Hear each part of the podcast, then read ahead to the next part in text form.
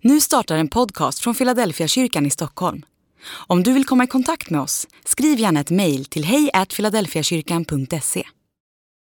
Ni ser ju att det står lite attiraljer här framme. Någon kanske tänkte att nu har de glömt ta bort stegen när de har bytt lampor, men så är det inte. Det är meningen. Det var ju där nere också. Det är lite bygge, tänker vi. Eh, fyra söndagar så här i inledningen på hösten har vi rubriken Välkommen hem. Och samtidigt vill vi nog understryka att eh, det är ett hem under konstruktion. Det pågår ett visst renoveringsprojekt, inte bokstavligen, för den här, den här, det här huset är ju alldeles nyrenoverat. Det ska nog dröja ett tag innan vi behöver måla om här. Men bildligt, om du nu tänker dig vår gemenskap som en form av byggnation, så ska du bara ha klart för dig, det, vi är under konstruktion. Det är inte färdigt. Och vissa saker, ni vet det finns vissa frågor i livet som man tänker, de måste vi lösa. Måste hitta ett svar och få saker på plats. Och så finns det andra frågor som man nog aldrig löser, utan man ska lära sig att leva med att det hela tiden är en liten fråga. Församlingen är inte ett projekt som ska lösas och bli färdigt, utan det är en gemenskap som är under ständig renovering. Hela tiden, det pågår. Och det där tror jag att en del är lite bekymrade över. Men jag skulle nog tvärtom säga att det är ett friskhetstecken. Att det ibland är lite stökigt, att det är lite oroligt, att man inte riktigt vet vad händer nu och vem tar ansvar för det här. Det tillhör gemenskapen. Några av oss är ju, är ju gifta eller lever i en relation.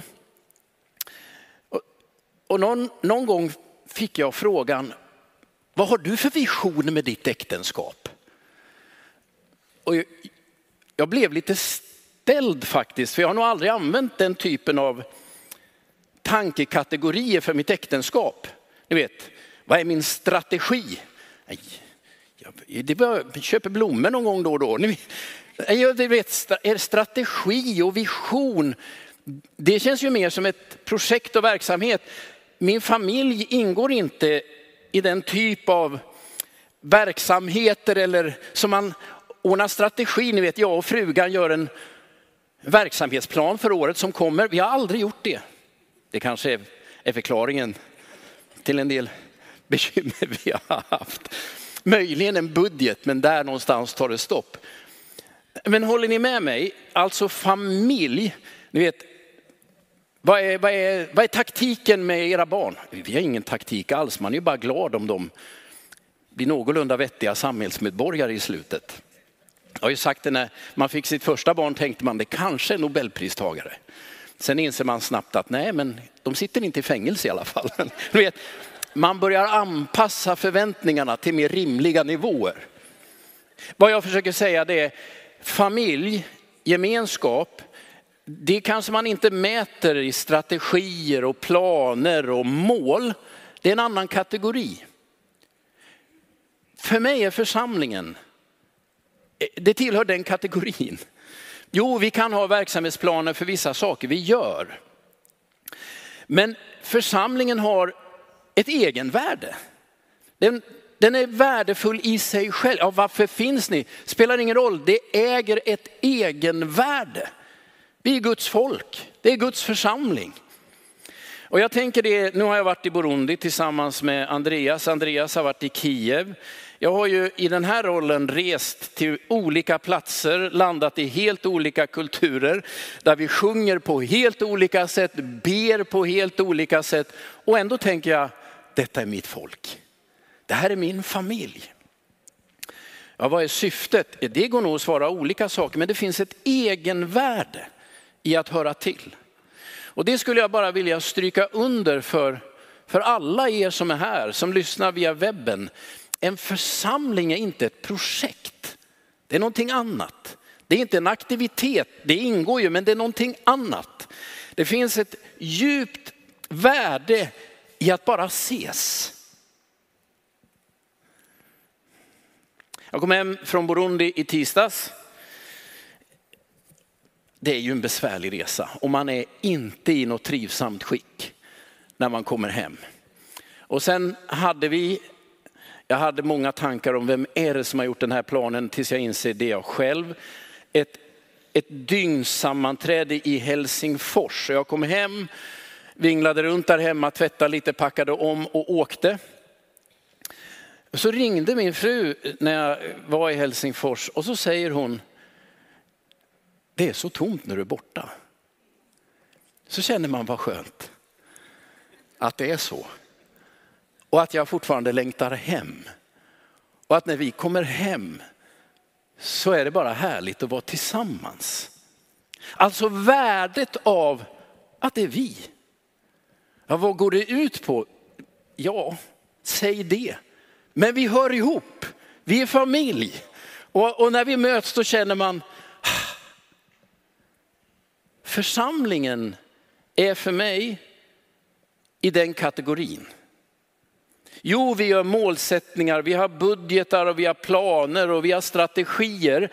Men det är nog mer det ytliga. På djupet så är det bara en skön känsla. Jag är här nu. Jag är hemma. Det här är mitt folk. Och så samtidigt, det här är under konstruktion. Det är inte färdigt och det är lite friktion ibland. Men det hör till. Så är all gemenskap. Men det är ett egenvärde i detta. Var rädd om det värdet. Nu vill jag läsa ifrån första Korintierbrevet kapitel 3. Vers 11 till 17. Första Korintierbrevet 3, vers 11 till 17. Ingen kan lägga en annan grund än den som redan finns. Och den är Jesus Kristus. På den grunden kan man bygga med guld, silver eller ädelstenar, trä, gräs eller halm. Och det ska visa sig hur var och en har byggt. Den dagen ska avslöja det. Ty den kommer med eld och elden ska pröva vad vars och ens arbete är värt. Den vars byggnad består ska få lön, den vars verk brinner ner ska bli utan. Själv ska han dock räddas, men som ur eld. Förstår ni inte att ni är Guds tempel och att Guds ande bor i er? Om någon förstör Guds tempel ska Gud förgöra honom. Ty Guds tempel är heligt och ni är det templet. Ja, den här texten får man ju grubbla lite på. Ni som, har ni hört talas om skärselden? Det är bland annat från det här sammanhanget hela den tankefiguren kommer som jag inte tror på. Men nu är det sagt. Och så ska vi säga en sak till. Den här texten jag just läste, den är ju utskriven till ledare. Det är väldigt tydligt. Så den är ju egentligen inte tänkt att skickas på var och en av er. Den den är riktad till mig. Tänk dig för nu, Piensoho, hur du bygger. Det är till alla ledare i Guds församling. Grubbla nu lite på vad det är ni håller på med. Jag vill bara säga det. Så att, så att ni förstår sammanhanget. För i församlingen i Korint så pågår ledarkonflikter. Det är därför vi har den här texten. Men skälet till att jag ändå väljer att läsa den är att det finns drag i det här sättet som Paulus talar som jag tror är värda att ta fasta på. Han talar om grunden som inte går att byta ut. Men sen påstår ju han att det är någon sorts pågående byggprojekt. Och det är precis det vi har tagit fasta på. Vi är inte en färdig gemenskap. Vi är en gemenskap under konstruktion. En av de största behoven som finns, något av det de flesta människor längtar efter, det är gemenskap. Att få höra till och få höra samman. Och samtidigt inser vi att det finns få saker som är så krävande som gemenskap. Alltså gemenskap funkar alltid så bra i teorin. Men i verkligheten är ju andra människor krångliga för de tänker ju andra tankar än jag, har andra känslomässiga reaktionsmönster än jag. Ni vet, varför är inte du normal? Som jag. Har du tänkt den tanken? Varför är inte andra människor sunda och kloka som jag? Har ni någon gång tänkt den tanken? Det kan ju vara så när man tittar sig i spegeln att det är du som skulle behöva lite korrigering. Men det är ju fruktansvärt jobbigt. Alltså gemenskap är ju en av våra största drömmar, det vi längtar efter och också det som är rätt krävande. Så när vi talar om församlingen då talar vi om gemenskap och det är lite krävande. Men jag vill ändå inbjuda alla oss igen och igen, stig in. I vissa lägen tänker man det behövs en bygghjälm här och kanske stålskor. För vem vet vad man trampar på. Men det hör till. Ska jag lämna gemenskapen för att det är stökigt? Nej. Ska jag lämna gemenskapen för att jag får lite flisor i händerna? Nej. Ska jag lämna gemenskapen därför att jag inte hittar min plats? Nej. Förr eller senare hittar man den, men kanske inte där man trodde det. Alltså Paulus beskriver ju vår gemenskap som ett pågående bygge. Den bilden är så bra att ha med sig. Vi lever alla med drömmen om den, den perfekta gemenskapen, den perfekta familjen, den perfekta församlingen. Jag har någon gång citerat Bonhoeffer, en välkänd tysk teolog som avrättades i koncentrationslägren bara tre dagar innan befrielsen och Tysklands kapitulation. Han sa vid ett tillfälle att den som älskar sin dröm om församlingen mer än den verkliga församlingen kommer att bidra till dess upplösning.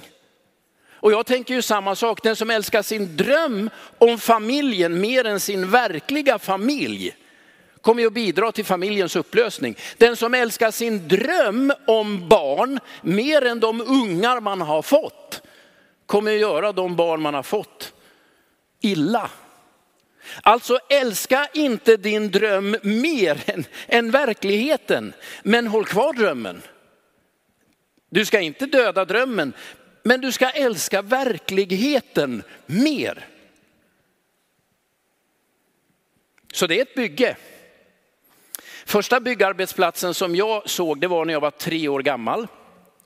Det var min pappa som byggde huset där vi sen bodde. Och jag vet, eller jag var, det var innan jag fyllde tre, för vi flyttade in den höst jag fyllde tre. Så jag kan i tid och rum peka ut mina första minnen och de innan innan tre års ålder. Jag och min syster vi hade trehjulingar som vi åkte på nere i källaren som ju sen inreddes, typiskt 60-talshus, platt tak, källare sådär. Så fanns det en rörmokare där som hette Jönsson. Han var skåning. I mina ögon då, jag var ju liten, var han gigantisk och skräckinjagande. Ända tills den dag han tog min trehjuling och oljade den. Då insåg jag, han vill mig väl. En god man. Vi älskade Jönsson sen. Och så skulle vi ha en trapp mellan, ni vet, markplan och källarplan. Och det var gjutet valv, det var ett rejält hus. Och trappen skulle ju ner då i det där hålet som fanns. Och då var det en betonggubbe som var där. Det här minns inte jag, det är pappa som har berättat. Och, och då hade min pappa talat om vilka mått det skulle vara på det där hålet. Hur svårt kan det vara? Ja, eh, och så säger ju då betonggubben, ah, men det är klart. Och pappa dit och mäter och säger nej, det här behöver vara fem centimeter större. Du har gjort det för litet.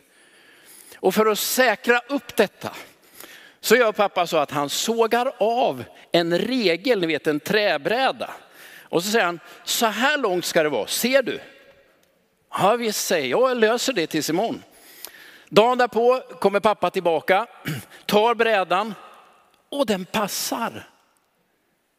Det är bara det att betonggubben har sågat av brädan istället för att såga upp betongvalvet.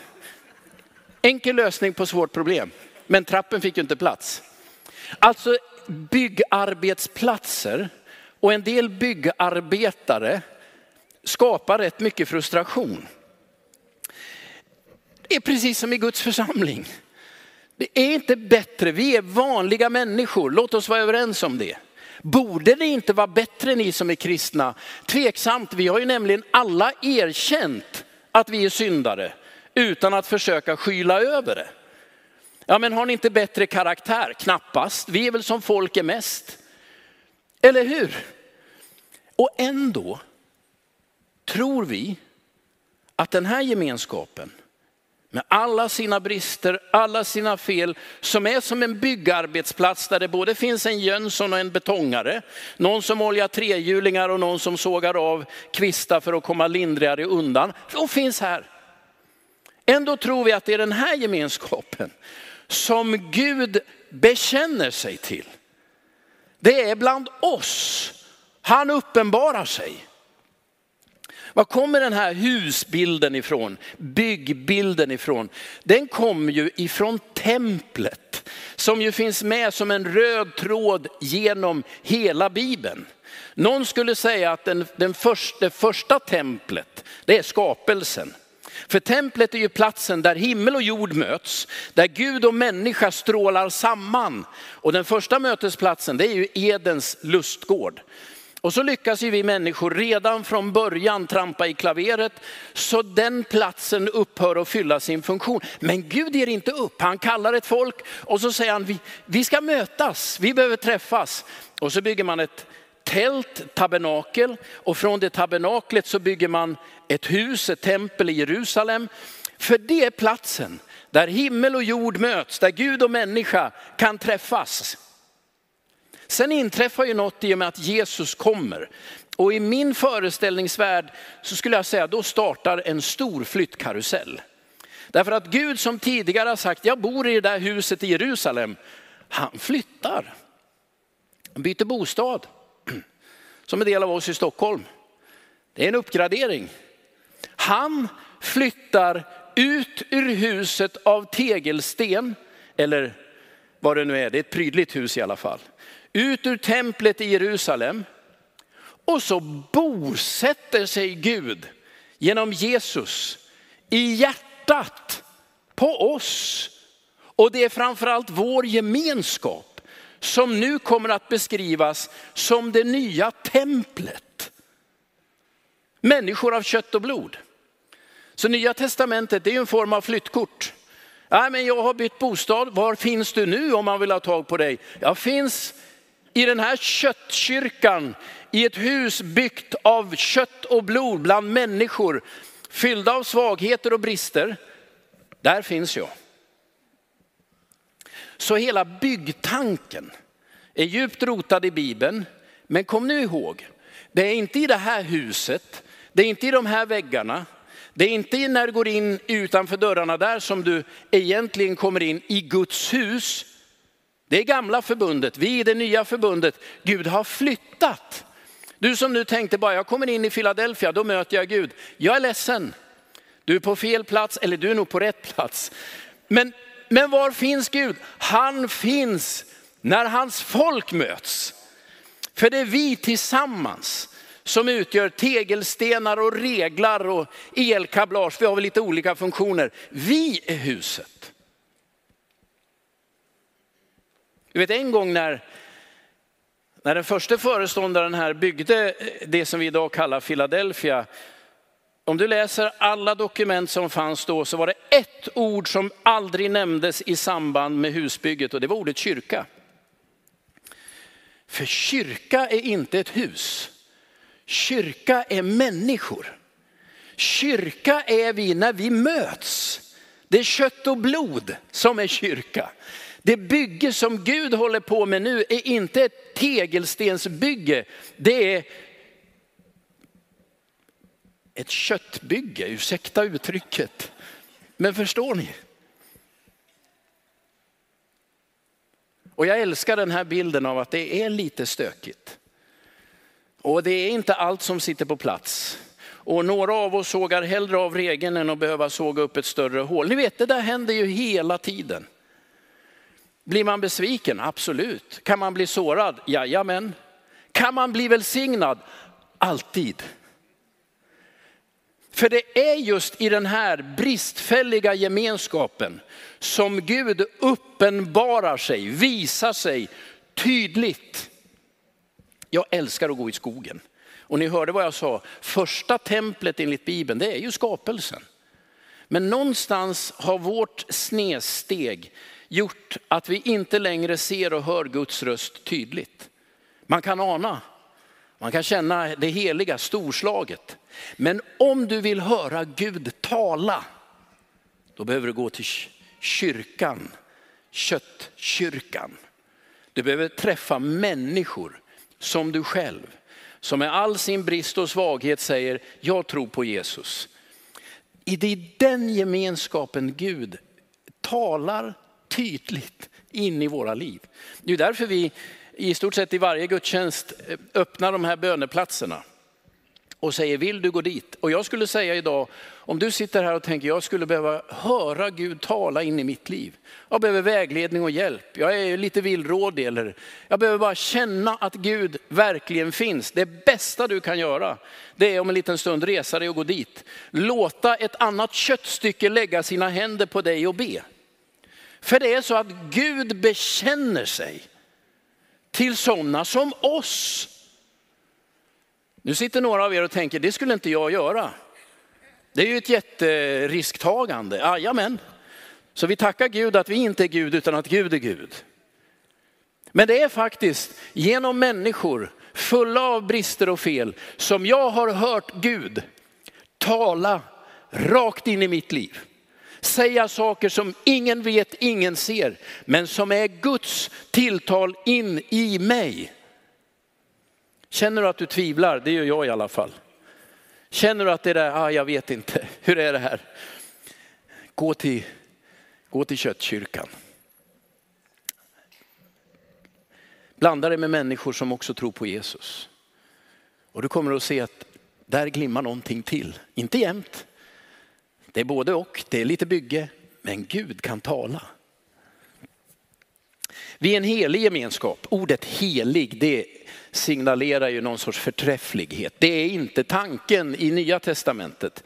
Helig betyder avskild, alltså ett föremål som är bestämt för ett, för ett väldigt tydligt syfte. Det här ska vi använda för detta. Ni vet en osthyvel, vad gör man med den? Ah, man hyvlar ost. Vi har avskilt den för det ändamålet. Enkelt, nu kan man ju jula en gurka också, men ni förstår poängen. Alltså att vi är heliga betyder att Gud har, har gett oss ett uppdrag. Vi, det finns en avsikt med oss. Och vad är då den avsikten? Ja, det är det han säger. Förstår ni inte att ni är Guds tempel, att Guds ande bor i er? Guds tempel är heligt och ni är det templet. Alltså vi är tempel, det är ju det Paulus vill säga. Ni är heliga. Det här är platsen där Gud uppenbarar sig. Så vad är det som gör att några av oss envist håller fast vid att gå till kyrkan och går vi inte hit så går vi till någon annan kyrka och då inte hus utan en gemenskap av människor som samlas för att be och lovsjunga. Ja men det är ju precis detta. Gud bekänner sig till oss. Ja, det finns ingen annanstans att gå. Så nu kommer en liten varning. Alla ni som ibland tänker, Nej, men den här gemenskapen den lämnar för mycket övrigt att önska. Pastorn verkar inte riktigt inne i Guds ord. Jag är osäker på om vi har rätt lära längre. Ni vet de här frågorna som emellanåt dyker upp. Nej, jag slutar gå i kyrkan. En del som säger det och säger det till mig, de verkar påstå att de är mer noga med tron. Men beslutet att lämna församlingen leder alltid till sekularisering. Du blir inte bättre kristen för att du lämnar församlingen för att den inte duger för dig. Du blir sämre. Du kan bara bli sämre. Så häng i, håll ut. Även om du får en spik i foten, häng i, håll ut. Det här är Guds, det här är Guds tempel. Här finns, och inte det storslaget, att få vara en del av någonting som andas evighet gudomlig närvaro och härlighet. Det är inte varje gång man känner det, det är inte varje gång det sätter sig i kroppen. Men de gånger det gör det så har jag alltid tänkt detta är värt allt.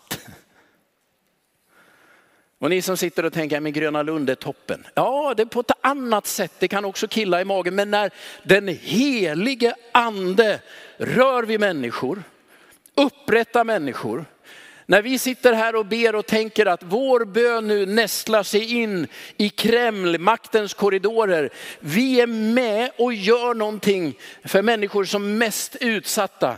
Vad kan mäta sig med detta? Ni är heliga. Guds ande finns hos er. Det är under konstruktion. Och så det viktigaste av allt. Det är ju grunden. Och det verkar som om Paulus säger att eh, den ligger. Men allt annat kan ju vara mer eller mindre bra. Men så länge grunden är Jesus Kristus, ni vet bottenplattan, när den ligger, då står du stadigt. Och det vi bekänner det är ju Jesus Kristus som Herre och Frälsare. Det finns ju en massa andra frågor som rör sig i vår tid. Frågor om, om sexualetik, frågor om, om ekonomi och moral av olika, det där rör sig. Men det Paulus säger det är, nej, fundamentet vi står på, det är Jesus. Det han har gjort, den han är, vår överlåtelse till honom. Han dog för våra synder. Han döper oss i helig ande. Han är vår Herre. Han är den som ska komma tillbaka vid tidens slut. Han har himmel och jord, allt i sina händer. Den grunden står vi på. Ja, vad tänker du om sambo då? Och det här med hbtq. Ni vet, ja, vi måste ju på något sätt ändå tänka igenom och ha någon sorts rimligt svar. Det där kommer ju att rulla. Jag har en tanke och det är att de här bibelkvällarna i höst på onsdagar ändå skulle röra vid de frågorna. Men vad är grunden?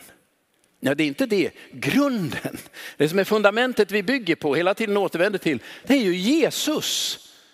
Den han är, andra personen i gudomen, skapare av himmel och jord, som blir människa, avstår ifrån allt, blir som en av oss, antar en tjänares gestalt, blir ödmjuk, ända in till döden, döden på ett kors. Och som Gud därför har upphöjt och gett det namn som står över alla andra namn för att alla knän ska böjas, hans namn till ära i himlen, på jorden och under jorden och alla tungor bekänna att han är Herre. Det är grunden.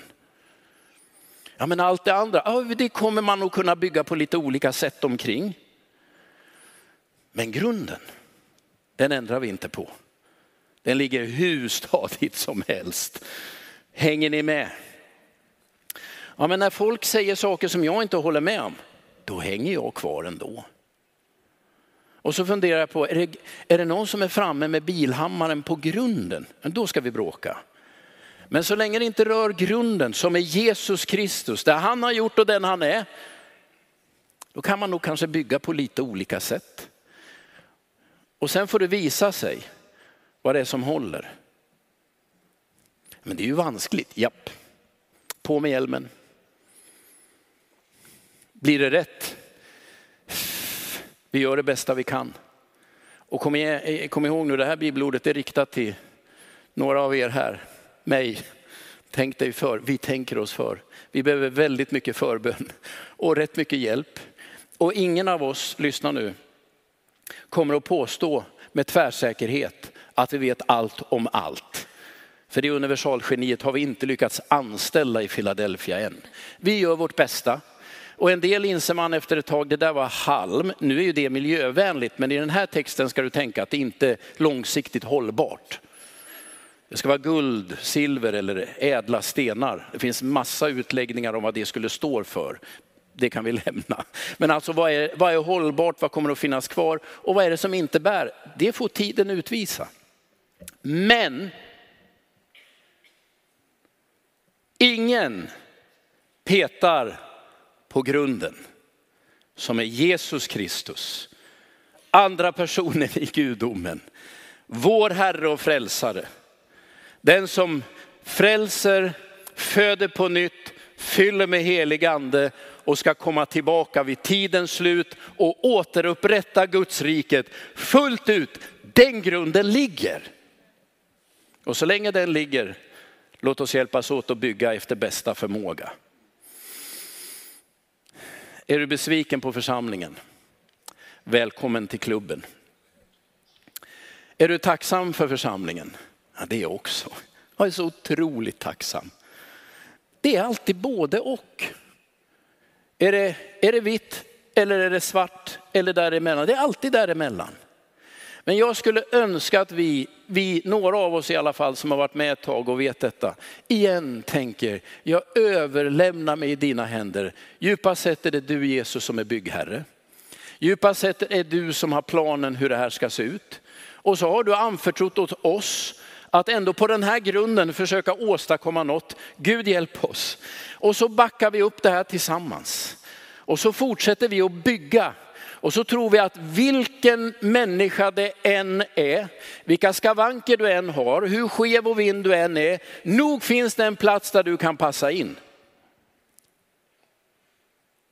Det är fantastiskt. Så Jesus är världens hopp. Och församlingen är det verktyg han använder.